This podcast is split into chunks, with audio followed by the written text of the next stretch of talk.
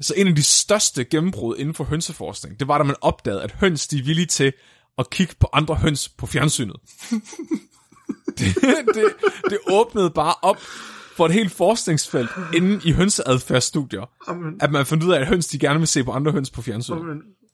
Hvordan har de kommet frem til det? Så vi, Hvordan har de opdaget det? Vi bringer en advarsel. Den følgende podcast handler om vanvittig videnskab. Al forskningen, der præsenteres, er 100% ægte og udført af professionelle. Mark og Flemming står ikke til ansvar for eventuelle misforståelser, men minder jeg om, at de altid har ret. Husk at være dumme.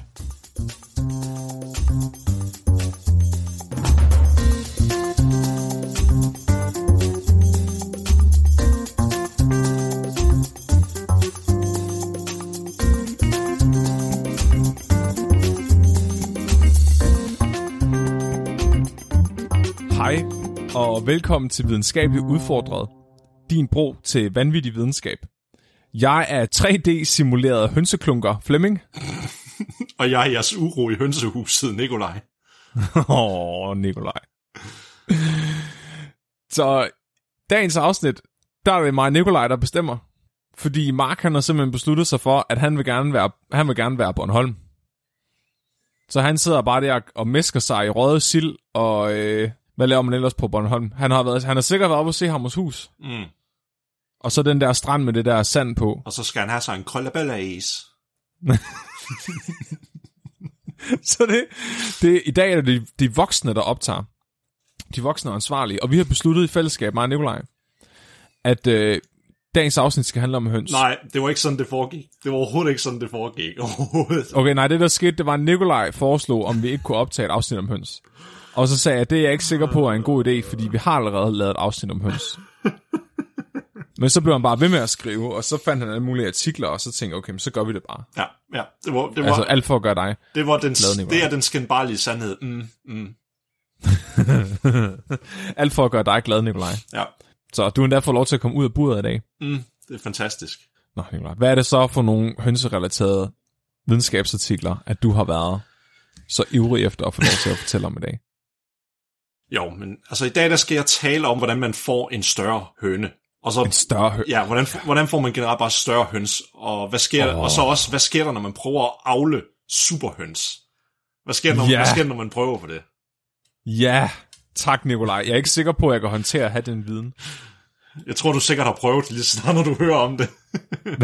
jeg skal bare, jeg skal have en her af superhøns. Hvad med dig, hvad med dig Flemming? Hvad har du taget med? Jeg har fundet en øh, videnskabelig artikel med nogle forskere, der gerne vil vide, hvorfor har haner store klunker under deres ansigter, under deres næb. Det var, okay, det var godt, du sagde det, for jeg troede, du mente... Ja, okay. Det var godt, du lige fik det, Det sidste klunker. der med. Nikolaj, det hedder klunker, Okay, dem de har. Ja. okay. Og de, ja, og, og øh, de fandt så ud af, at det var åbenbart uetisk at skære klunkerne af en hane, Mm. for at se, om det gjorde nogen forskel. Så de, øh, de fik simpelthen fat i øh, den software, som man har brugt til at lave special effects med i Skyfall-filmen og Titanic, og så 3D-simulerede de en, en hane med forskellige klunkestørrelser for at se, hvad der skete. Oh, oh, what? Ja, og viste det på et stort plasma-tv til nogle høns. Var, var det high definition? Oh yes, oh Ja, yes. med 4 og 4K også? Åh, oh, det ved jeg Ej, faktisk. ikke. det, kan vi lige slå. Jeg har materialer med metoder det, det, det er ikke state of the art videnskab lige der. Oh, du lever bare op til alle mine fordomme om Fynborg, Nikolaj. Hvad mener Du du? siger high, hvorfor siger du high definition? Det hedder det da. Det er fordi, det tager for lang tid for dig at sige. Hvad du hvad? Hvad du hvad? Åh, oh, Nikolaj. Har du ikke bare lyst til at fortælle mig om, hvordan jeg får en her superhøns? Mm. Jo, fordi det håber jeg, fordi så kan det være, at de hakker dig til død. Oh, du, Nik- Nikolaj sidder allerede og gemmer sit ansigt i skam over det her. Jamen, som sagt, så i dag der vil jeg gerne fortælle jer, kære lytter, hvordan I kan få større høns, og så muligvis også, hvordan I kan fremavle jeres egen superhøns også. Så her til at starte med, der vil jeg gerne snakke om en person, der hedder, eller der hed Dr. Thomas Dukes. Så faktisk hele den historie, det starter med, at vi skal tilbage til lige omkring, ja, lige inden starten, der på, øh, ja, faktisk lige der omkring ved Første Verdenskrig. Der er jo ham her, den kendte, berømte forsker Alexander Fleming, som vi har hørt om masser gange før, der ligesom opdagede det første antibiotika, altså penicillin. Men det var først det omkring ja, under 2. verdenskrig, at man faktisk først fandt en måde på, til det, så man kunne administrere det ud til resten af verden, og så egentlig faktisk bruge det til noget. Jo. Ellers så før, der var det bare sådan en lille ting ved siden af, man har fundet ud af. men, så, men samtidig, under det tidspunkt her, der var der så ham med Thomas Dukes, som øh, han har, eller han fik, han fik så en Ph.D. i biokemi ved University of Toronto, og han øh, valgte så at få en postdoc-position over ved øh, University of California i Berkeley, så sådan en mm-hmm. rimelig prestigefyldt stilling. Og ja. selvom han var biokemiker, så arbejder han faktisk med agrikultur. Og faktisk det, han forskede mest i, det var, at han ville se, hvad for nogle vitaminer man kunne tilføje til hønsefoder, for ligesom at sørge for, at de kunne øh, leve på en mere sådan fabrikeret diæt. Det vil jeg sige, det er langt, altså, man har godt nok hørt meget om Alexander Fleming og mm. antibiotika, ja. Men man har, ikke, man har ikke hørt særlig meget om Dukes og hans uh, superhøns. Det, det er jeg lidt skuffet over. Nej, Jamen, det er ikke Dukes, der er med superhønsene. Det, det kommer Nå, okay, vi til. Okay. Ja. Så, fordi der var nemlig på det tidspunkt her, at da de kom op her efter 1. verdenskrig, og så lige efter 2. verdenskrig også, der, før, før de to krige, der havde, var det sådan, at mange landmænd, de havde mange høns, men de brugte dem kun selv at fremstille æg, og så ville de slakke hønsene, når det var, de ikke lagde æg mere nemlig, fordi det var det, der var pengemaskinen. Men nu er der, kom der et større og større sådan demand for, at man skulle have mere protein, og så begyndte den her store hensøindustri, hvor man begyndte at putte dem så tæt sammen i stor skala faktisk, og, og komme på det tidspunkt. Og det var derfor, man var interesseret i, at nu kunne man ikke længere bare give dem sådan normal foder. Nu skulle de have sådan mere industrialiseret foder, for det, det skulle også skales op jo med den store industri. Så man kunne ikke bare give dem sådan majs og sådan noget, og lige hvad man havde i huset og sådan noget. Man skulle have noget, ja. Resten af ens liv på mad. Ja, og, og, og, så et par æggeskaller, og så var alt fint. Nej, nej, nej, nej det, det, det, det, kunne man ikke. Det kunne man ikke. Så, øh, så Dukes, han blev endfejs med, at øh, gennem ligesom hans ekspertise her med foder og, og supplementer til hønsefoder, så blev han ansat af et firma, der hedder Literally, Ja, jeg tror, det er sådan, det skal, ja, det lyder som om, jeg siger liderlig, men det er leader, altså L-E-D-E-R-L-E. Total liderlig. Ja, total liderlig. og det sjove er, det her det firma, det var faktisk ikke et agrikulturelt firma. Det var faktisk farmaceut, altså sådan en pharmaceutical company. Og de var nogle af de første til ligesom at fabrikere øh, antibiotika. Mm-hmm. Og han joinede så det her firma i 1942. Og det var så lige her omkring, hvor øh, penicillin det faktisk begyndte at blive udgivet og så sendt ud til frontlinjen og til mange andre steder i øh, Amerika. Hvor det, var, det var jo et vidundermiddel jo. Ja. Og det, det gjorde ligesom, at nu vil alle bare antibiotika. Det var lige meget, hvad det var, man skulle have antibiotika.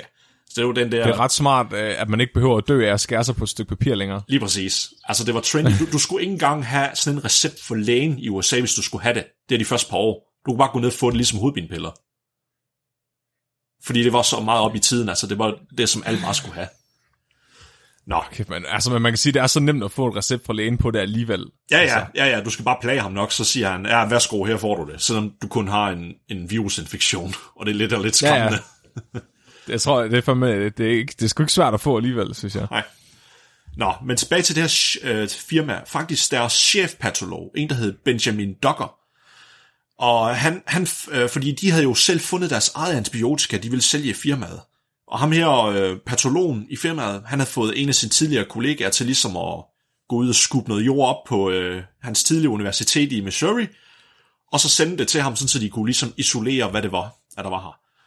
Mm-hmm. Og, øh, og det er så øh, de, de bakterier, der hovedsageligt står for at producere meget af det mere sådan naturlige antibiotika, det er dem, der hedder Streptomyces, og så er der forskellige arter af dem.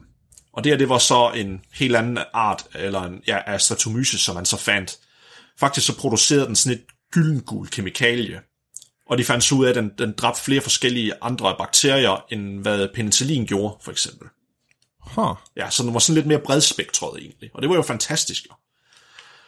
Og så fik de så et uh, patent for det i 1948, og så fordi uh, uh, stoffet det ligesom havde sådan en gylden farve, så valgte de så at kalde uh, den her streptomyces, den kaldte streptomyces aureo fasciens, som der betyder en guldlaver. Og så kaldte de så stoffet for oh. aureomycin, så gylden mycin, eller sådan noget kaldte de det. Åh, oh, kæft, der er lille guldgås der. Ja, og det stof her... Og, og guldsnask. Ja, De, ja, det var i stedet for at finde en høn, der lagde gyldne æg, så fandt de en bakterie, der skede gyldent stof ud. Uh, og ved du faktisk, hvad det her stof, det her auromycin, det rent faktisk er, Flemming? Udover at være guldcreme. Ja, ud af guldcreme. Det er klor, Antidøds guldcreme. det er klor tetracyklen. Så det er faktisk den første tri- tetracyklen, der blev opdaget. Og det er Ah. sådan mere, det er sådan en gruppe af antibiotikastoffer. De er meget mere Det ord har jeg hørt før Ja, en gang. det er meget mere sådan bredspektret til at dræbe flere forskellige bakterier, end for eksempel penicillin er. Så nu, kategori- mm. nu kategoriserer man antibiotika, så siger man, det hører til tetracyklinfamilien, eller det her hører til penicillinfamilien. Så det var den første af sin slags, man har opdaget. Huh.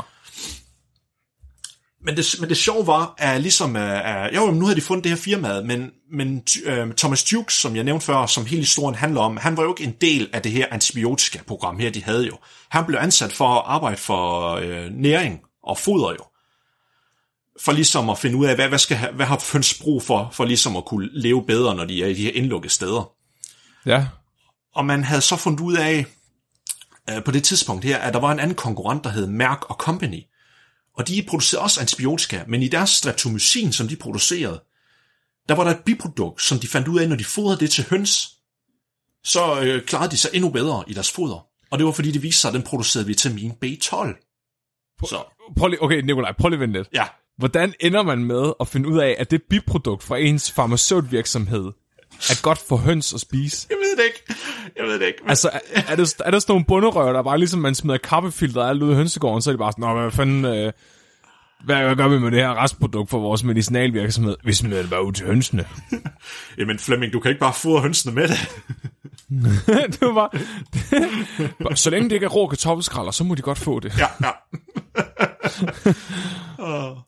Men ja, det havde det her konkurrentfirma så fundet ud af, og så Tukes, han tænkte jo så, hmm, jeg vide, om vores også har sådan en sideeffekt, mon? Gud. Så det prøvede han. Begyndte egentlig at alle, alle, begyndte alle sådan medicinalfirmaer bare at smide deres affald ud til høns for at se, hvem der kunne lave det sygeste. Jamen, det var, jamen, det var, han havde jo den idé, at jamen, det var nogenlunde den samme bakterie, så det er vel ikke så sindssygt at tænke på, at vores antibiotika-compound, det måske også har en effekt. Nej, nej, nej, det var sygt. Det er sådan, det er bare ligesom sådan en Marvel superhelt, ikke? Der rører ned i den der spand med radioaktive kemikalier. Mm. Altså her, der har du bare dyret, du fodrer med skrald, indtil noget af det der skrald gør et eller andet sindssygt ved dem. Ja, lige præcis. Så måden han lavede det her eksperiment her, det var, at han tog en lille gruppe af kun 6 måneder gamle høns og så haner, og så øhm, og det var så nogle øh, bestemte fugle, som de brugte i det her firma til at bruge research. Så de havde også der sådan, sådan hvad kan man kalde, modelorganisme. Og han øh, fodrede dem så med en special sådan diæt, der var sådan meget lav i næringsstoffer. Sådan så de var sådan nærmest helt udsultet på grænsen til at dø, de her høns her. Nej, Jo, nej. og det var, Oh det var, og det var fordi, man i senere forsøget, så, så skulle han gøre det for ligesom at kunne differentiere effekten af de her tilsætningsstoffer i deres foder, altså hvad effekt de vil have.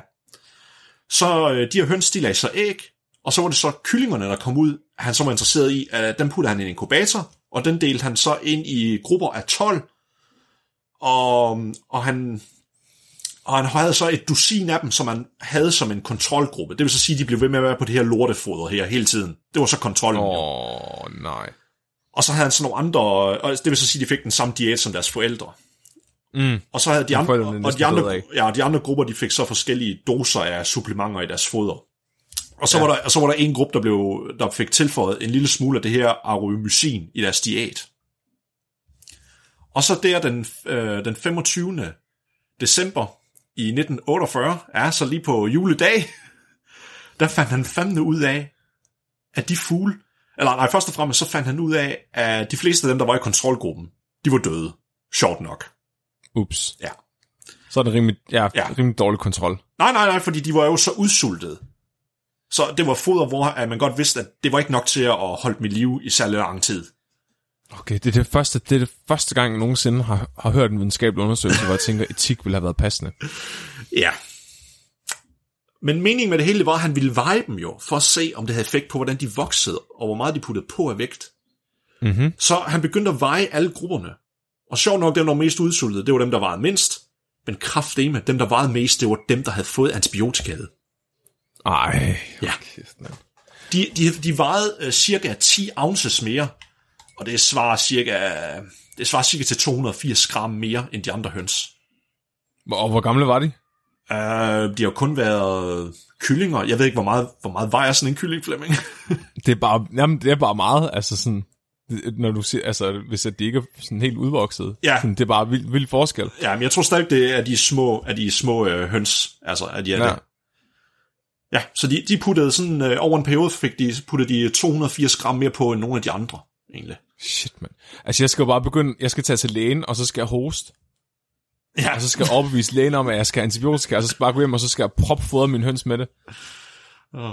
Men, men så så anden fandt, og, og Dukes, han var så forundret over det her, han begyndte at kontakte en masse kollegaer rundt omkring i landet, og så begyndte han at sende prøver afsted for ligesom andre, de kunne sådan bekræfte det, han havde fundet, den her growth øh, frem, øh, fremskyndingsfaktor i det her antibiotika. Og faktisk, så var der så mange andre videnskabsfolk, der spurgte efter det, at han kunne ikke levere nok, egentlig. Så det var sådan, han rendte rundt ved firmaet, det var de, fordi det var jo et biprodukt, eller meget af det, som de ikke kunne sende af, af, af aromycinen, som han bare sendte videre til dem. Så han var sådan rundt og skrabe alle de der flasker, hvor der var, for han kunne få den sidste dråbe op, og så sende videre til andre videnskabsfolk i landet, for ligesom Shit. de kunne bekræfte det. Ja. Og det var faktisk så vildt, at mange af, af hans kollegaer, de fandt ud af, at ikke bare kunne den kurere, at de har blodig diarré i grise, men den kunne også sørge for, at unge grise, de, er, de sådan ikke døde tidligt. Så det er derfor, man bare stopfodrer grise med antibiotika i dag. Ja, Og det faktisk. er derfor, at MRSA er en ting. Faktisk så triplede, altså tredoblede den væksten og vægten hos for eksempel grise og, og kalkuner, for eksempel, hvis du fodrer dem med det antibiotika. Så det er der, MRSA kommer fra. Det startede den dag. Yes. Til gengæld fik vi superhøns. Hvilket er en, en smuk side af historien, der blev udladt. Ja, men, men det er ikke helt, fordi altså, det, det lyder som om ham her, han har været sådan en okay videnskabsmand, og der er sådan lidt mere til det her, fordi som sagt, Flemming, du kan godt høre, hvor det er, det bærer hen med det her, at øh, det blev godkendt ved FDA, det her stof her jo. Og de havde, men, Gud. men stoffet, det her antibiotika, det var først blevet godkendt til, at det skulle være human medication jo. Mm. Men når det kom til, at det skulle bruges til dyrfoder, jamen, så skrev de det bare til FDA, det er bare et vitaminsupplement. Hvis du skriver det, så kan du slippe afsted med så meget, hvis du bare kalder det for et supplement. Og det var jo ikke så lang tid før, det var omkring her i 40'erne, mener jeg, og du skrev jo, at Alexander Fleming, han fik sin Nobelpris for opdagelsen af penicillin, og han udtalte sig også om, at øh, han håbede ikke på, at der var nogen, der brugte suboptimale koncentrationer af den her nye kategori af, af medicamenter, fordi det ville være rigtig, rigtig dumt. Og så samtidig, Hvorfor mente han det? Fordi han godt vidste, at de kunne blive antibiotikaresistente bakterier allerede dengang. Det, det, Det, det, det, nok, at han har haft de overvejelser allerede dengang. Nej, de havde jo allerede testet det. De havde allerede set inden for de første to år, efter det blev brugt der i 40'erne, at der var allerede kommet resistens jo. Det, det vil sige, at vi har vidst, der var ved at gå galt Ja. siden 1940'erne, Ja. og der er stadig ikke noget, sådan, Ja. der bliver gjort De, for de vidste 100%, og han advarede også mod det, men det faldt for døve ører. Åh, oh, gud. Og, så, Åh, oh, og, så, og du kan se hele medicinalindustrien, så begyndte de at producere det her, og de tænkte jo, at det er så små doser, vi giver dyrene, så det har nok ikke nogen betydning, men det er lige præcis de små doser, der er farlige. Og det har man bare nogen, der... Ja. Ja, og det har man bare blevet ved med at fodre dyrene med konstant, og det er først her i mere moderne tid, man endelig er begyndt at ligesom putte sådan restriktioner på, hvor meget man faktisk må fodre dyrene med det. Men det herfra, det kommer med, at man bruger antibiotika inden for øh, dyrefoder lignende, fordi det faktisk har en, øh, det virker som en, ja sådan, øh, hvad kalder man det, et væksthormon nærmest for dem. Tyder det på det. Jeg, jeg er ikke helt sikker på mekanismen, men forsøgene viser, at det, det virker sgu på den måde. ja, det er pudsigt, hvorfor... Altså, fordi jeg tænker, at antibiotikaen dræber deres, de bakterier, der lever i deres tarm, for eksempel. Ja, men jeg ved ikke, Så- det kan være, at den har en eller anden sekundær interaktion med nogle hormoner eller andet. Jeg er ikke lige helt selv Ja, sikker noget på. væksthormon eller sådan Ja. noget. Men det, der var sådan også var ærgerligt ved ham med Thomas Dukes, det var, at han var en kæmpe benægter om, at det var et problem at bruge det her i foder. Og det var også hans egen idé, jo. Ja, og det er det, der er sådan lidt ærgerligt, fordi på mange andre punkter, der var han egentlig meget skarpt og forud sin tid, hvis man kan sige det sådan. Jeg fandt, jeg Ja. fandt faktisk ud af, at øh, han var en kæmpe forkæmper for, at man skulle fandme ikke have kreationisme i de øh, kaliforniske øh, skolesystem overhovedet. Nå, Så, så han, og han gik også ind for, at øh, han var en af de første, altså det var sådan meget tit, at han altid ville have, du ved, sådan en lille column, han skrev til Nature eller Science, du ved. Det var meget normalt dengang, ja. der var en forsker, der skrev sådan en lille essay eller noget til dem, og det var han en af dem, der var, øh, han, det var tit, han fik lov til det. Og han var en kæmpe kritiker af Linus Pauling, han kaldte ham faktisk sindssyg, på grund af alt det der kæmpe vitamin C-doser, det sagde han, det der, det er simpelthen nonsense, sagde han bare. Det var han en af de første til at sige, det der, det, det, det passer ikke, Pauling. Du er, sind, du er sindssyg. Det er bare OG Nikolaj der fra 1940'erne. Ja. Og han gik, han, bare ikke og, kunne og, og, jeg, fejl. og jeg tror, nu kommer vi til noget, hvor Mark også virkelig vil værdsætte ham. Han var også sådan en, der sagde, alt det der med diæt og alt sådan noget, det er fuldstændig on, det er uvidenskabeligt bullshit. også mod, han var også mod homeopati, og det der med, at man kunne bruge øh, øh, det, der hedder amygdalin som en anticancerkur, og alt sådan noget. Alt det, det var han meget imod. Men så lige på det ene punkt her, der var det så ham, der var forkert på den. Det var nok, fordi han selv tjente penge på det der. Højst sandsynligt. Det, men det er også en god grund til at gå imod din intuition og Ja, videnskabelig integritet. Det er penge. ja. Åh, kæft mand, det er vildt. Men det bringer, men, Ja. vi, men vi er færdige nu, Flemming, fordi nu, det er jo, det er jo kun en måde på, hvordan du kan få store høns i din hønsegård, jo. Så du skal bare Ja, få og med en masse antibiotika. Men, Men det, jeg tror faktisk også, det er sådan, man får store menneskebørn. Åh, Jeg mener, jeg mener, øh, jeg har, jeg, jeg, nu bliver jeg i tvivl. Der blev spurgt i chatten, om det virker på menneskebabyer. åh det, jeg, Jeg- jeg, er så glad for, at I spørger om det, for jeg var lige ved selv at glemme det. Det er blevet testet ja. på mennesker. Ja, Man har lavet et nogenlunde samme studie, hvor man har taget unge mennesker, og så har man fodret dem med det, mens de voksede op. Selvfølgelig har man ikke gjort sådan, at der var nogen, der døde af underernæring, ligesom hønsene. nej, nej.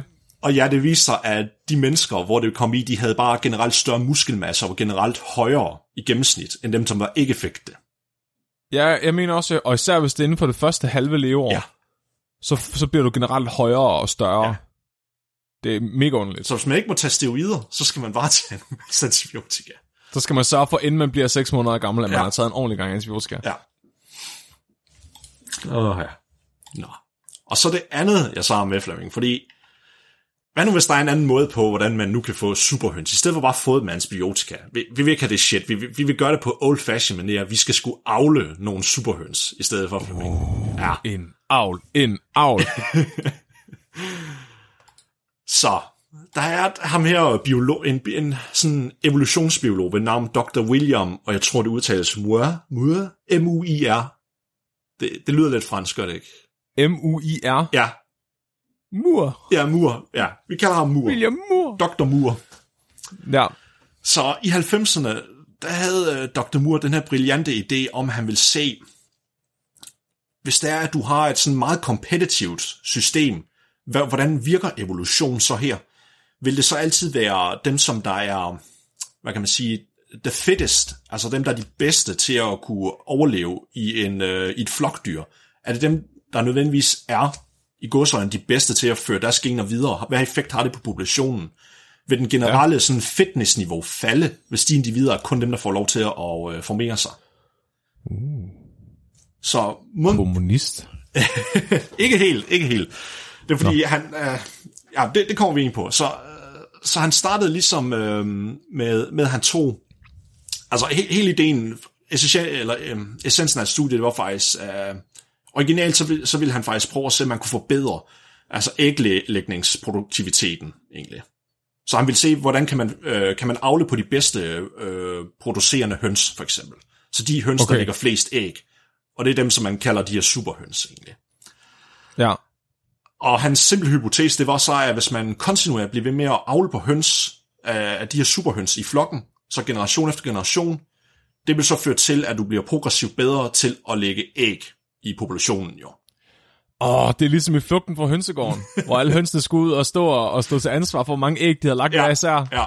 Og så den, der har lagt færre æg, den øh, røg i sovegryden. Jeg er glad for, at du nævnte den film, for jeg har, jeg har altid haft lyst til at spørge dig, om det er en af dine yndlingsfilm. Ja, ja. Åh. Det var også min farmors yndlingsfilm. Det var den eneste film, vi så, når vi var sammen. Så i det her ligesom forsøg, der Mur, han, segreg- eller han øh, delte to grupper af høns. Den ene, det var en kontrolgruppe, der bestod af sådan ni gennemsnitligt producerende høns. Og de var så efterladt til at reproducere i seks generationer. Og så lavede han øh, det samme med en anden gruppe, hvor det også var ni, og der skete nok det samme, bortset fra, at det, her, det var de højeste kvanti- kvantitet af ægproducerende øh, producerende høns fra, mm. fra hver generation. Så fra hver generation tog han de høns, der havde produceret flest æg i den gruppe her. Hvad, hvad tror du, der skete med det her forsøg her, når man gjorde det sådan her, Flemming? Øh, okay, så du siger, at han tog dem, der lagde flest æg hver generation, og sørgede for at avle videre på dem. Altså, man, man kan sige, der, der er en simpel, altså, der er en ele, visse eleganthed eller elegance i den her eksperiment, fordi den nemmeste måde på, du kan måle produktiviteten i det her forsøg, det er fordi, det er jo, det er jo kvantitativt, det er bare ved at tælle æggene. jo. Mm. Det siger han selv. Det, det er et dejligt simpelt forsøg. Du skal bare tælle æggene. Men hvad tror du, der Men sker, men hvad tror du, der sker ligesom med populationerne, når man gør det her? Øh, jamen altså, hvis du avler på de samme få individer mm. over flere generationer, Mm. altså nu tænker jeg selvfølgelig, at han har taget en ny hane for hver generation, øh, og brugt den samme hane i begge grupper, men jeg kan godt forestille mig, at deres immunforsvar og sådan noget måske begynder at blive dårligere, Ja eller et eller andet. Altså, de begyndte at blive mere øh, følsomme over for de samme sygdomme. Men jeg ved ikke, hvad ellers skulle være. Nej. Det, det, som der rent faktisk skete, og det var faktisk nærmest sådan alarmerende, der er rigtig mange, der har brugt det her som et eksempel, både på mennesker også. Så kontrolgruppen af hønsene, det var dem, der bare fik lov til at... Altså, de havde en gennemsnitlig god produktion af æg hele tiden, nemlig. Det var ikke nogen, hvor man kun tog de bedste avle videre på konstant. De var meget sådan, du ved, sådan, hvad kan man sige, sådan plump. Altså, de var sådan velfodrede. Og de Ja. havde god densitet af fjerde, de var sunde, og de producerede faktisk flere æg, end de her øh, superhøns, der var avlet i slutningen af eksperimentet. Nå, End de mere gennemsnitligt har produceret flere æg. Men, Huh. og det vist, virkelig interessant ved den her superhønsegruppe, det var, at alt det var fuldstændig kaos. kaos. Der var kun tre, der var levende til sidst ved dem. What? Hvorfor det? Og det, ja, det var fordi, at mange af dem de blevet så aggressive, de har slået hinanden ihjel. Fuck. Så han havde faktisk bare avlet på aggressivitet i hønsene. Ud, men, men, okay, så var aggress antallet af æg, en høn ligger, er åbenbart proportionelt med, med aggressioner i høns, eller hvad? Men det var jo fordi, Flemming, at de høns, han selekterede, der har produceret flere æg, det var fordi, de havde slået de andre høns ihjel, så selvfølgelig var det dem, der havde lagt læst æg, jo, fordi de var de eneste, der var overlevende, jo. Nej. Jo, det var det, der skete. Nej. Så hele den hønsepopulation, selvom de var sådan fedtest, så var de bare blevet til en, en flok psykopater. Det er jo fucking smart. det er jo fucking genialt, at hvis du kommer af med konkurrenterne, så bliver, dine, så bliver du, kommer du altid på toppen. Altså sådan som jeg ser forsøget, det her det er lidt på en måde, der sker sådan, at man ser et dyr, der stopper med at være et flokdyr. Hvis man kan sige det på den ja. måde.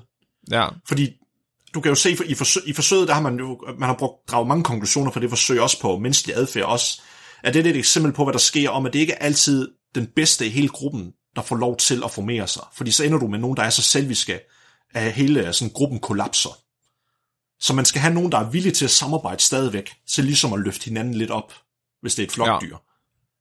Og det er det stik Det du fortæller mig, Ja, det er, at flugten fra hønsegården, hvis den skulle have været videnskabeligt korrekt, Mm. Så havde den handlet om, hvordan at hønsene de hele tiden bare stod overachieveren ihjel. ja, ja nej, nej, For- det var, nej, det er overach, eller der er en person, der overachiever ved at slå de andre ihjel, som han tror, der kan være en trussel. Ja, præcis. Ja. Så hvis, hvis at den ene, den høn, der ligger færrest æg er bange for, eller en, der ligger få æg er bange for, hvad ja. Så skal de bare dræbe en, der ligger ja. Flere æg end dem. Så statistikken bliver bedre. Ja. Og, og det sjove er, at det her studie her, det har sådan, som jeg, som jeg hele tiden har sådan alluded til, så har det, det blev brugt som eksempel inden for social videnskab også, og menneskelige eksempler. Så for eksempel i, i øh, uddannelsessystemet eller på arbejdspladser, hvor man skal have den her balance mellem øh, at være kompetitiv, men også have et samarbejdsmiljø. Mm-hmm. Men at det ikke altid er den, der er den allerbedste og mest kompetitive person, der burde komme videre, for det fører også til, at ting ligesom går i skideren også til sidst. Og der er faktisk nogen, der, Man skal der sørge for at hyre nogen, der er dumme også, eller hvad siger du? Nej, men nogen, man skal, der man skal sørge for at have sådan et mere et gennemsnitsniveau, hvor folk de hjælper hinanden til at nå noget bedre samlet. I stedet for, at der er en, der bare er den her virkelig ekstreme super person. Ej, hvor er du hippieagtig lige nu, Nikolaj.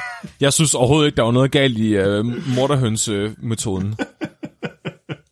De var fortjent at være på toppen. De var klar til at slå ihjel for at komme derop, Nikolaj. Det Fair nok, ja, de er pinnacle of evolution. ja, lige præcis. Ser morderhøns. så det du siger, det er, at alle dyr, hvis de skal nå det ypperste, så det der med at være et flokdyr, mm-hmm. det er pussies. Man skal bare være den der lone wolf dyr. Du skal sørge for, at tallene er gode. Dine egne tal. Ja, din egen, ja, du skal have den højeste score. Ja. ja. Ja, præcis. Din, din uh, kill-death ratio, den skal være den bedste. Præcis. Det er der gode Call of Duty. Så det er i hvert fald, og den, den sidste metode her, den er jeg rimelig sikker på, at den burde være lige til for dig, Flemming, hvis du skal have nogle superhøns. Okay. Eller i hvert fald sådan dræbermaskiner af høns. Ja, altså jeg bare skal sørge for... Men det, det sker vel egentlig lidt af sig selv. Fordi de høns, der overlever, det er jo dem, jeg avler videre på. Det kommer an på, hvordan du avler dem jo. Jeg tager bare nogle tilfældige æg ud af hønsehuset, og så øh, giver dem bare lov til at ro på men, dem. men så, så, så selekterer du jo ikke lige så hårdt, som der blev gjort her jo. Nej, ikke lige så hårdt. Men hvis jeg nu giver det 60 generationer, så, øh, så kan det jo godt være, at jeg begynder at se det samme. Ja, måske. Måske. det kan være, det allerede er for sent. Ja, ja, lige om lidt så hopper de ind igennem vinduet og æder mig levende. Oh. Men det var det, jeg havde. Tusind tak, Nikolaj. Det er for med... Hold kæft, man. Lige fra antibiotika til, øh, til indavl. Det er smukt. Altså, øh, jeg, jeg, jeg, jeg, jeg tror, jeg starter med at pumpe min høns med antibiotika. Jeg tror, jeg tror faktisk, ham, ham her Moore, uh, jeg kan se størstedelen af hans artikler, de er pu- publiceret i Poultry Science. Åh, oh, yes. Verdens Så, bedste videnskab. ja, så jeg tænker, han, ham her, han er, lige, han er en gut, du skal dykke mere ned i. Nikolaj, Ja, har du nogensinde kigget på en høne? ja. Jeg har, jeg har, øh, mine forældre har haft høns i min barndom. Men altså, Nikolaj, det er derfor, ja. vi klinger så godt. har du, men har du virkelig, virkelig kigget på en høne, Nikolaj? Tænker du på et bestemt sted? Jo, ja. Lige at gøre, Nikolaj. Jeg tænker, Hvorfor det? Hvorfor- bestemt sted på hønen. Hvorfor begynder det her at virke som den der scene fra Mænd og Høns? Okay, det var faktisk ikke deroppe på vej hen. Nå, nå, okay, okay, okay. okay.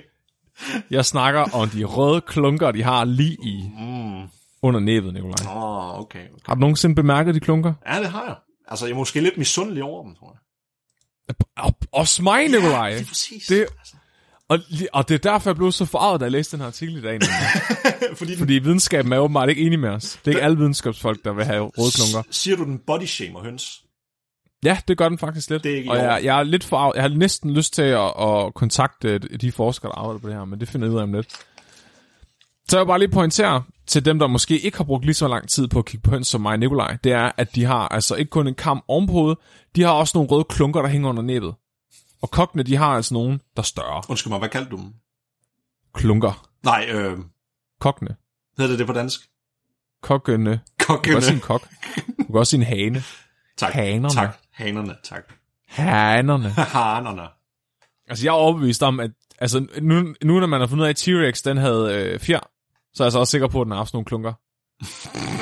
Du kan ikke være verdens mest alfa-dyr, uden at have sådan nogle store røde klunker, der bare dingler, mens du jagter dit bytte. Jeg synes, du skal skrive til Mr. Spielberg og pointere det for ham. Ja, det bliver øh, Jura- Jurassic Park 19, der bliver den mest videnskabelige korrekt nogensinde.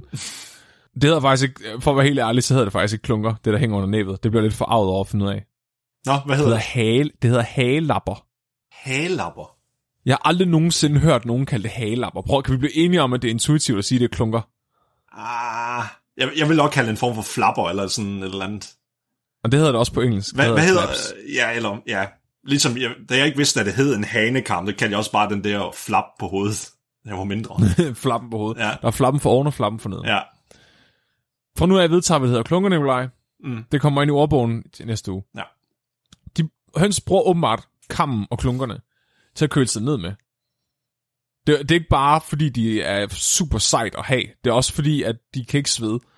Så blodet bliver pumpet ud i de der klunker, og så bliver blodet kølet ned af, fordi de bliver, ja, de sidder uden for kroppen. Spørg- ja. Spørgsmål.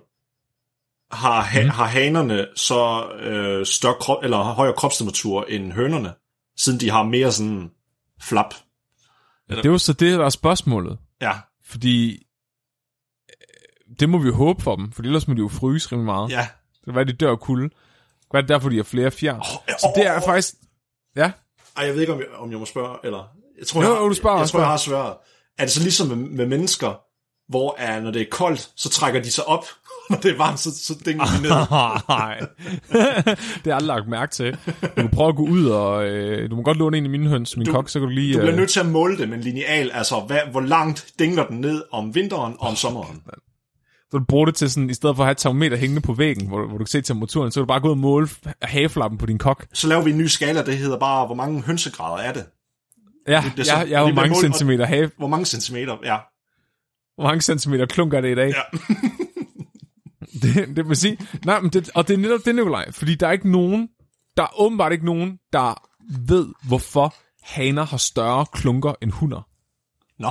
Fordi hunderne, de har sådan nogle bitte, bitte, bitte små, du kan næsten ikke se dem nogle gange, mm. klunker under næbet. Hanerne, de har bare sådan nogle kæmpe nosser. De flapper bare, når de løber.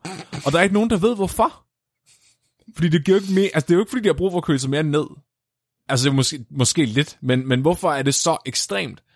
Og altså, man ved jo i, i, i, i dyreverdenen, at det er meget normalt, at hannerne de har fysiske træk, der er anderledes for hunderne. Ja, især blandt fuglene. Ja, hannerne er mere sådan flamboyante. Præcis. Ja. Der er påfuglene er et glimrende eksempel. Mm. Bavianer også, ikke? Jo større rødder din røv er, jo, jo, jo flere mine børn, eller jo flere dine børn skal bare føde. Mm. Du kan også bare se på mig, hvor imponerende jeg er i forhold til andre hanner. Altså, og, og det går bare igen generelt i dyreverdenen. Og i, i, i mange af de her eksempler, vi lige er kommet med, der er det jo fordi, at hunderne, de vælger de hanner og, og, og parer sig med. Og det er det, der hedder seksuel selektion. Mm. Så de, de ser på handen og siger, fuck, han er flot, ham vil jeg gerne avle med. Så det er ikke fordi, at han bare er bedre til at overleve, det er også bare fordi, han er sådan lidt mere blæret. Øhm, de vil bare gerne have unger med den, med den største, rødeste røv i hele junglen. Og der er også mange fugle, der bruger det som indikator for, øh, hvor gode de er til at finde mad. Så fordi nogle af de farver, fugle har i deres fjer, de kræver utrolig meget energi at, at opretholde og få, eller også kræver de nogle særlige næringsstoffer. Men så kan de også vise, at de er gode til at finde mad ved at have de der farver, fordi ellers bliver de bare ikke særlig imponerende. vi mennesker, vi er også skyld i det. Jeg, jeg er overbevist om, at den eneste grund til, at kvinder elsker at danse så meget, det er fordi, det siger noget om, hvordan, eller de tror, det siger noget om, hvordan en mand, en mand han er i sengen. Fuck. Tæller træsko Jeg tror, jeg tror, det er sådan en lille hemmelighed, de ikke siger til os, Flemming. At de, Det har jeg at de, aldrig at tænkt de dømmer over. os på den måde, ja. Bare sådan, mind blown. mind blown. Rimelig god korrelation der. Jeg ved ikke, om du har set mig danse. Nej, det har jeg ikke, nemlig. det er- Lige præcis, det har det er- jeg ikke. Og du har heller ikke, set, du har heller ikke set mig danse. Nej, altså jeg kan fortælle, at det er meget ynkeligt og frygtindgydende, når jeg danser. Du ligner decideret en fugl, når du gør det. Bare sådan, prøv på at intimidere. Ja, står bare tramper i jorden og skriger. Men, men, men det, er jo, det er jo så sjovt, fordi man er åbenbart enige om, videns, videnskaben er bare blevet enige om, at det er ikke derfor haner de har klunker. Fordi de er ikke sexede. Og jeg blev så farvet, da jeg læste, de bare sådan, nej, det kan simpelthen ikke være derfor, at høns, øh, haner, de har store klunker under deres næb. Det er Hvad, ikke hvad baserer de det ud fra? Jamen, der, okay, så er der åbenbart lavet nogle videnskabelige undersøgelser, hvor man har prøvet, Har de spurgt mennesker? Jo. Har de spurgt mennesker, om det, det var sexet? Ja, hvor sexet synes du, den her hane klunk, den er. Og for mig, der er det ikke klunkernes størrelse, der er det kammen. Og det viser sig, at det synes høns også. Så man, man, Nå. man, man har fundet ud af, at, at baseret på udseende alene, så vælger høns haner, altså baseret på størrelsen af kammen oven på hovedet, og så på deres sådan, fjerpragt. Ja. Men klunkestørrelsen, den er ligegyldig. Spørgsmålet er, hvorfor fuck har de dem så? Altså, og Ja. hvorfor er de så store? Og det vil de så gerne finde ud af. Ja. Enter det virtuelle hønseeksperiment. Det virtuelle hønseeksperiment. Det virtuelle hønseeksperiment. Så en af de største gennembrud inden for hønseforskning, det var, da man opdagede, at høns de er villige til at kigge på andre høns på fjernsynet. det, det, det åbnede bare op for et helt forskningsfelt inden i hønseadfærdsstudier, Amen. at man fandt ud af, at høns de gerne vil se på andre høns på fjernsynet. Amen. Hvordan har de kommet frem til det? Så vil, Hvordan har de opdaget det?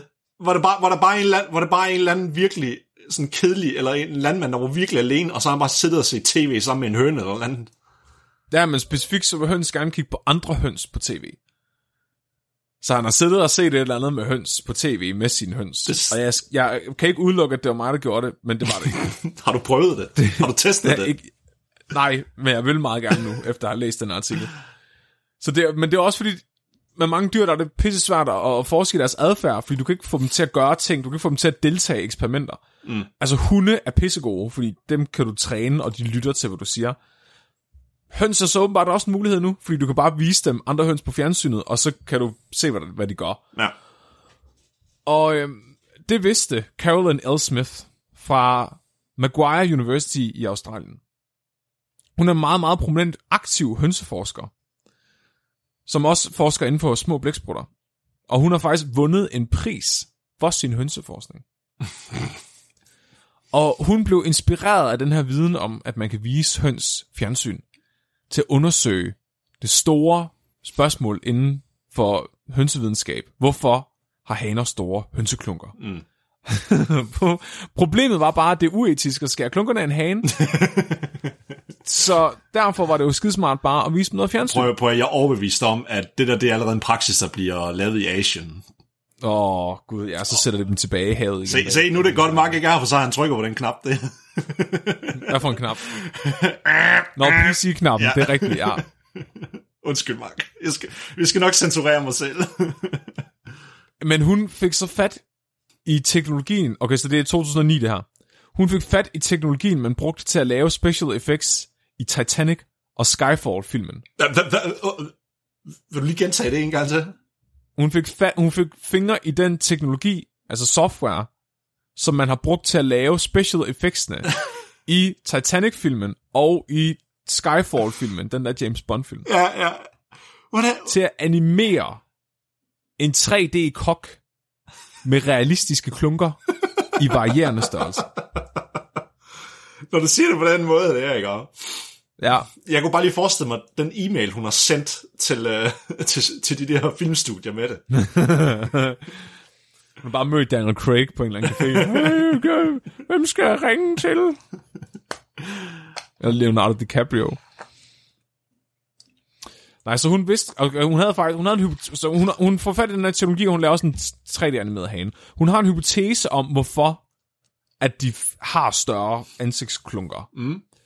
Og øh, hun tror, det har noget med maddansen at gøre. Maddans. Så ja, så høns, haner, de laver en maddans.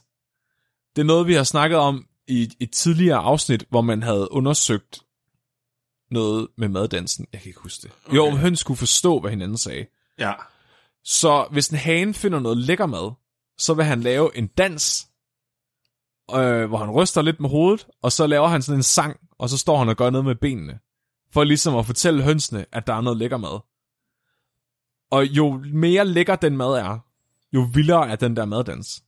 Ja. Fordi så løber hønsen over til kokken for at få noget af det der mad der. Og man ved, i det samme studie, hvor man fandt ud af, at kammen oven på hovedet er vigtig for, om en høne synes, en hane er sexet, så fandt man også ud af, at de synes, det var sexet, hvis han lavede maddansen. Okay. Så jo mere en hane lavede maddansen, og jo bedre han lavede maddansen, jo heldigere blev han med de der høns der. Igen, det hele kommer tilbage til med dansflemming. Fuck, du har ret. Ja. Jeg skal, jeg skal ind og spørge. Du skal, nu, nu, Bagefter. når I skal spise aftensmad, du bliver nødt til lige at lave sådan en maddans. Ja, ja. Oh, kæft, mand. Fuck. Bare stille mig op på bordet og skrab i, i, i gryden med mine fødder. Og klukke.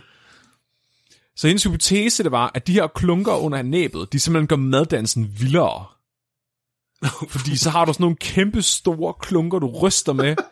Og, og hun skriver endda i nogle tilfælde, at de kan klaske med dem, hvis de er store nok. Eller noget. Bare, Så hun, bare lyt til det her ud af kontekst. Så hun simulerede kok, den samme kok med forskellige størrelse klunker, der lavede maddansen. Ja. For så at se, hvordan hønsene reagerede på de forskellige størrelse klunker. Ja. Uh, jeg vil lige sige, at hun, hendes introduktionsafsnit er virkelig gennemført. Og jeg tror, du vil være stolt, Nikolaj, fordi hun citerer flere gange Charles Darwin selv. hun citerer hans artikel om seksuel selektion fra 1871 flere gange. Okay. Hmm. Ja. En af de ting, der også er sjovt ved de her maddans, det er, at det er altid alfahanden, der laver maddansen. Så um, alfa, uh, beta de laver ikke maddansen, når alfahanden er der. Nej. De fik fat i 26 høns. 24 af de her høns, de skulle indgå i eksperimentet, og to af hønsene, de skulle virke som selskabshøns. Bedre kendt som akklimatiseringshøns. Mm. Og så lavede de den her animerede hane. De fik en 3D-model fra TurboSquid online over internettet, og så simulerede de dens knogler i hoved og hals, for at madbevægelserne var realistiske. Så filmede de en ægte hanes øh, maddans, altså hvor han svinger med sine klunker, Mm. og så brugte de rotoscoping på den digitale kok til at få den til at efterligne de bevægelser. Okay, så det var sådan det der motion capture, en form for det, eller hvad? Pr- lige præcis. Ja. Så at det var egentlig de rigtige bevægelser, de Ja. lavede. Og så sørgede de lige for at animere nogle planter i forgrunden og i baggrunden af den her hane, for at hønsene skulle føle sig trygge ved det, og så de ja. skulle tænke, det var realistisk. Så det er hønsematrix, de laver det. Ja, der er ikke noget mere irriterende ved at se en film, og så den der CGI, den ser fake ud. Ja, og det, præcis, det ved høns også godt. Ja. Så de vil gerne, der var nogle blade i baggrunden. Ja. Og de, ja. Okay, så det, de gjorde, det var, at de lavede et bur, hvor de her to akklimatiseringshøns, de simpelthen var inde i. Og det var, de, de to høns, der var dem, der taget ud af eksperimentet, de skulle egentlig bare være der for at give tryghed til de andre høns, når de var med i eksperimentet. Mm. Så de lavede et bur, hvor de her to høns var nede i, og de var bare med hele tiden. De hang bare ud dernede. Og så kom 24 andre høns, de kom så derned en efter en. Og så satte de verdens største plasma-tv ned foran det der fucking bur. Og spillede den der video i to minutter for hønsene. Mens de sørgede for, at der lå nogle melorm inde i buret. Fordi høns, de, jo, I elsker bare melorm. Og så sørgede de, så, op, så optog de hønsenes reaktion på at se den der video. Så de optog, hvor hurtigt de opdagede hanen, øh, hvor hurtigt de begyndte at lede efter mad, og hvor længe de ledte efter mad. Og det gjorde de for alle 24 høns. Og så sørgede de også for, at de to akklimatiseringshøns, der var inde i buret, de var i buret på en måde, så de ikke kunne se videoen. Fordi de, de kunne ikke have, at de påvirkede, at de havde indflydelse på de andre høns adfærd. Okay. Det viser sig så, at jo større klunkerne var, jo bedre var det. Så jo større klunker de der haner havde, jo længere tid ledte hønsene efter mad, og jo mere intens ledte de efter mad. Så det vil sige, at chathanen, han vandt simpelthen det her. Det er store klunker, det er lige med bedre mad. Så det, så det hænger simpelthen, den, den seksuelle selektion i høns er afhængig af maddansen. Men ikke af klunkerne, men klunkerne er en del af maddansen. Okay. That you have it.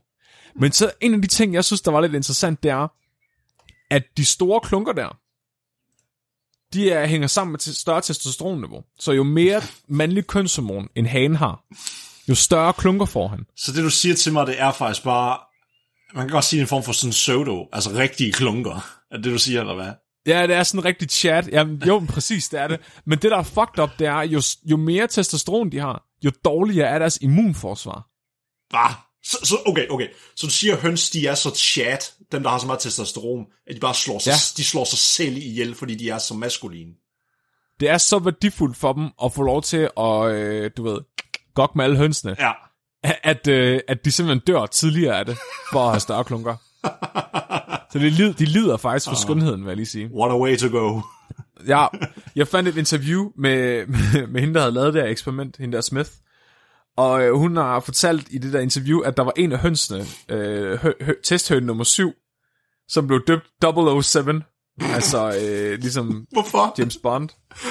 Fordi den var totalt ustyrlig. Så det der bur, hvor der var, øh, hvor der var adskillelse mellem... Øh, altså, de var jo i et bur først sammen med de to andre høns, og så blev de lukket ind til plasma-tv'et med alle melormene. Ja. Og den der høne, den skulle bare ind til det der fucking plasma-tv, og de der melorm, de gad ikke vente på, at de skulle være sammen med de to andre selskabshøns der. Så de havde, den der dør var automatisk, og den var lavet af motoren fra en fjernstyret bil. Men hun begyndte bare at stå og hak i ledningerne i den der fucking dør, indtil den, hun fik den til at gå op. og når hun så først havde lært at gøre det, så begyndte hun bare at gøre det hver eneste gang, hun kom derned. Altså lige med det samme. Og selv om de ændrede måden, ledningerne var trukket på, og hvordan lågen virkede, så fandt hun ud af at åbne den hver eneste gang. Det er lidt ligesom, hvad var det, den der mus der for det forsøg, der, der bare fuckede det hele op. Åh, oh, hvad var det for noget? Det var mus nummer et eller andet. Ja, men der skal, det der med, at der er altid et forsøgsstyr, der bare skal fuck hele forsøget op. Hele ens datasæt. Ja, det er sjovt, det tænker man aldrig over, Nej. medmindre man er i det. Jeg, jeg hørte også om øh, nogen ude på SDU, der var inde og, og teste, altså i mus, hvordan de løber op af armene på dem og sådan noget. Sådan, det tænker man jo ikke over, Nej. at, at det er en del af det. Og en af de ting, jeg opdagede, og så det var egentlig, hvad jeg havde, det var den her artikel.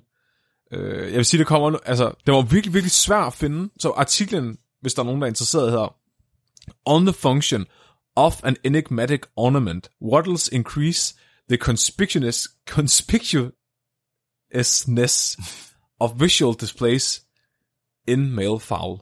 Det er nok derfor, den er svær at udtale. Den var virkelig, virkelig svær at finde. Men en af de, så jeg, så jeg sad bare, altså jeg kunne finde alle mulige artikler, der snakker om den.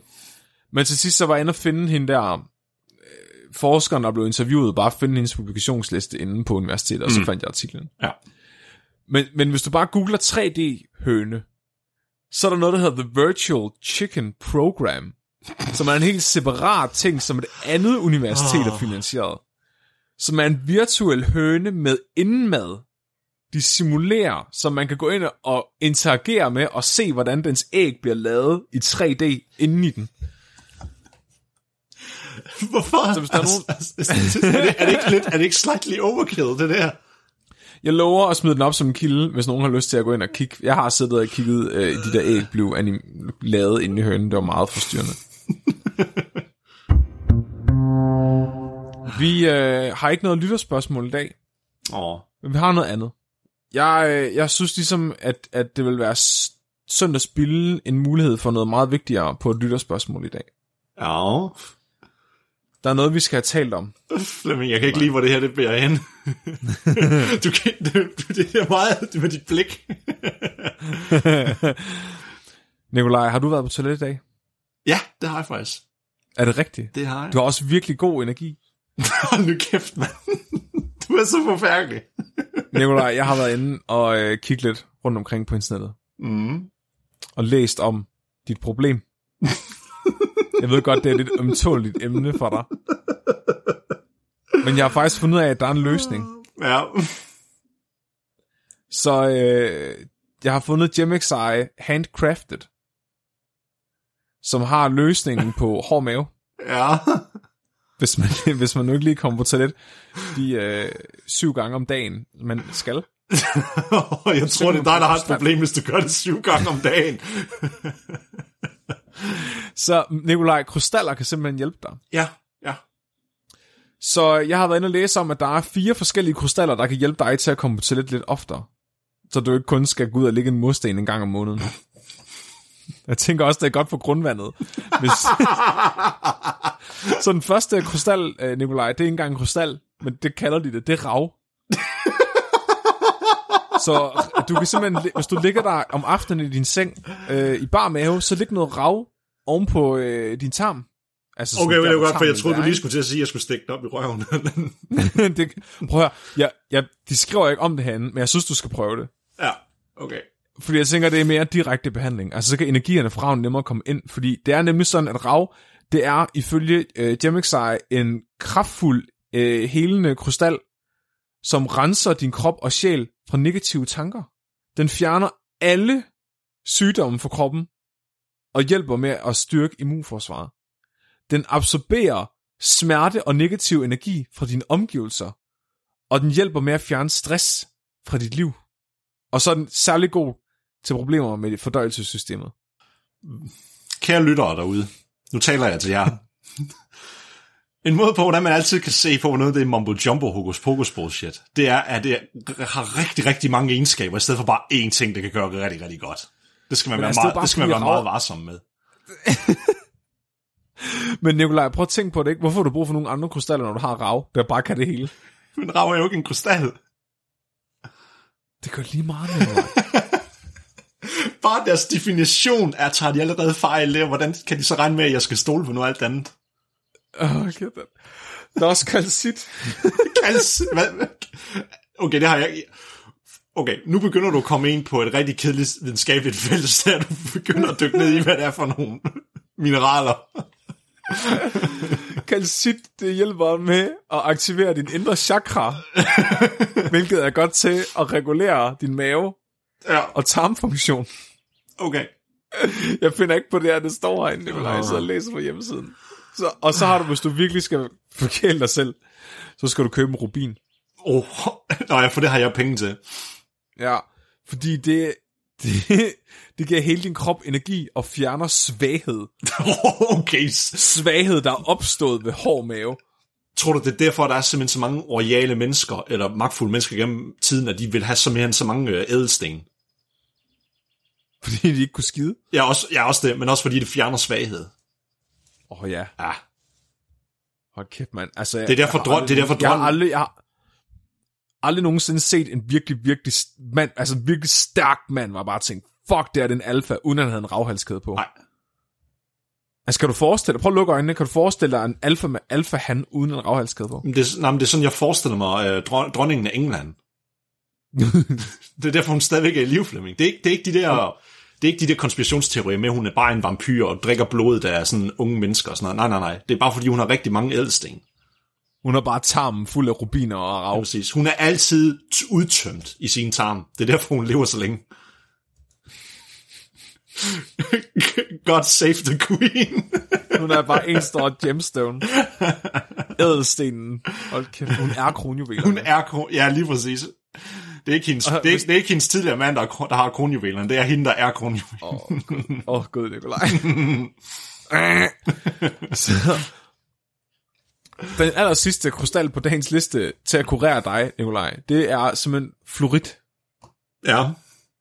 Florit. Fordi fluorit, ja, det, især hvis du også har grøn øh, løbende afføring af og til, det skal jeg ikke kunne sige, Nikolaj. Du behøver ikke dele med lytterne, det er okay. Det har jeg overhovedet ikke været. Hvis du bærer øh, fluorit omkring din solar plexus, så kan den simpelthen bekæmpe øh, infektioner i dit øh, mikrobiom. Og øh, hvis du virkelig, virkelig gerne vil, vil, vil øh, fokusere energien fra fluoritten, så skal du købe den her fluorit tryllestav. Altså en stav, stavformet fluorit. Ja. Fordi den, den giver også... Den, den, den afvæbner negativitet og stemmer dine gemte talenter og kræfter samtidig. Okay, indtil videre, så har de sådan, alle sammen, de har sådan næsten det samme til fælles. Det er kun lige én ting, der er forskel på dem, af hvad du har sagt. Cirka. De kan alle sammen alting, men så ja, kan ja, de, de, kan alle sammen kunne, de kan alle sammen kunne eller med sygdom. Eller med Og det er infektioner. fantastisk. Ja. Ja. Så hvilken krystal øh, vil du gerne starte med, Nikolaj? Uh, ingen af dem. Jeg tager det som rav. Du er, så, du er lidt typen, der godt kunne Okay, have okay, sådan en ravhals. okay, jeg kan faktisk godt lide- jeg synes- rav i læderstreng. Jeg synes faktisk, rav det er pænt. Det synes jeg faktisk. Ja. Selvom det bare er forstenet harpiks. Stenet har. Det er det. Dårligt. Det er det, rav er. Rav, det er Ja, harpiks. det ved jeg da godt. Jeg har bare aldrig hørt nogen sige det med sådan en nedladende stemme før. det er da ikke nedladende, det er bare at sige, hvad det er jo. Altså, kæft. det er også Du- det samme, er med, du- det er det samme, hvis du tænker over, hvad er en diamant egentlig? Hvorfor er det, vi beskriver så meget værdi til en mand? Det er sådan set bare ja, hård kul. Virkelig hårdt kul. Det er kul, der er mega hård Ja. mave. Har du overvejet at prøve at sluge nogle grillkul og se, om der Yes. kommer en diamant ud? Jeg ved ikke, hvor den her idé kommer fra. Du tror, jeg har hård mave. Det prøver jeg, tror det ikke. Jeg ved det, Nikolaj. Prøv hvor, hvor, tit, hvor tit er du på toilet, Nikolaj? Hver anden dag. Prøv Nikolaj! Hvordan kan du gå en hel dag uden at være på toilet? Jeg, Hvor mange gange går du på toilet om dagen da? to-tre gange mindst. ja, hvad fanden, Og det er ikke- hvad fanden er æder du? nogen- Det, det, det, jeg kan få ind i munden. Er det, er det, det er alle de der sojabaserede produkter, det du spiser. Og det er altså ikke sådan nogle undermåler, jeg laver. Det kan jeg godt sige dig. Ej, det er, Hvis du sådan en, lavede en af dem, jeg laver tre gange om dagen hver anden dag, så vil du nok have det rigeligt. det er sådan en hel arm, der kommer ud hver gang. Det er jo min far. og Nikolaj, det er så godt, at uh, Mark ikke er til at stoppe os. Og jeg, jeg tror, jeg tror vi, vi må hellere stoppe med den her sektion nu, inden det bliver for meget. Mere. Oh, nå. Tusind tak, fordi at I har lyttet med i dag. Hvis at uh, I godt kunne tænke jer, at Nikolaj uh, kan få nogle, uh, at vi får råd til nogle krystaller til Nikolaj, så uh, kan I støtte os på tier. Det er der allerede en hel masse dejlige mennesker, der gør, og det er vi super taknemmelige for. Jeg tror på, at vi får råd til at købe med jeres hjælp et rigtig, rigtig flot stykke rav til Nikolaj. Som han kan putte lige derhen, hvor han vil. øh, så de går simpelthen, I, I, I giver jeres penge direkte til velgørenhed, hvis I støtter os på tier, og I får fordel ud af det. I får direkte adgang til et billede af mine fødder med og uden neglelak. Oh. I får adgang til øh, bonusklip fra nogle af afsnittene, og I får adgang til øh, alle mulige andre godter. I får også mulighed for at lytte til, vi optager live, så I kan høre alle de ting, der er R-rated, som vi simpelthen tænker, det kan vi ikke tillade os at putte op på Spotify. A.k.a. Det, øh. AKA de sidste to minutter af det her afsnit. Ja, lige præcis. så øhm, overvej at gå ind og støtte os på tier, hvis I har lyst. Det, det vil betyde meget for Nikolajs øh, tarm velbefindende, hvis I gør det. Uh. Næste uges afsnit handler om, om man kan blive tynd af ikke at spise. Det kan, simpelthen, det kan også springe ud over det af- afsnit. Det, det kan man, ja. Man bliver ret tynd, hvis man ikke spiser. det bliver sikkert noget om diæter. Oh, det elsker, Mark det elsker til at Mark. forklare det. Ja, Mark ja. elsker... Vi skal sikkert snakke om diæter. Ja. Jeg ved ikke, om det er en intervention med mig, eller hvad fanden det er, men det finder vi ud af. Har Er du klar til dagens dyrefakt, Nikolaj? Ja, kom med det. Så øh, Taliban løb på et tidspunkt tør for øh, selvmordsbombere, der kunne melde sig frivilligt. Så de begyndte at putte bomber på høns. Og ja, der er billeder. Mit navn er Flemming. Mit navn er Nikolaj. Du er blevet videnskabeligt udfordret. Husk at være dum.